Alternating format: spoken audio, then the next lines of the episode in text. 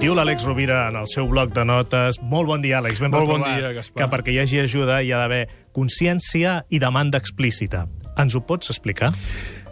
Sí, Gaspar, molt bon dia. Mira, quan eh, una persona realment mm, vol ser ajudada i té consciència de la necessitat d'un ajut, una condició nece- necessària perquè no s'estableixi un joc psicològic tòxic entre el que necessita l'ajuda i el que la dona és que el que la necessita ho demani explícitament. Té que haver-hi una demanda explícita.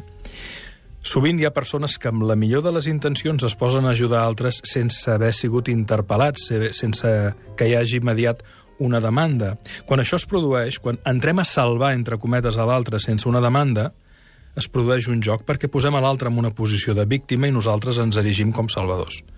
Per tant, tenim que demanar l'ajuda i l'altre, jo diria que ha de tenir quatre condicions per prestar-la l'ajuda. Una, ha de voler.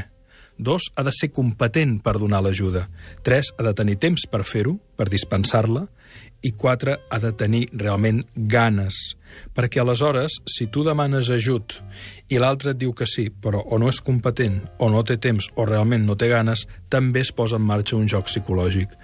Um, no podem anar pel món ajudant a tots els que creiem que ho necessiten, perquè hi ha gent que millor no la, no la vol i vol fer el seu camí i el seu propi procés d'aprenentatge, però també hem de dir que si ens comprometem al contracte, encara que sigui tàcit, té que ser molt clar per evitar que al final aquella persona que necessita ser ajudada acabi pensant que ningú el pot ajudar.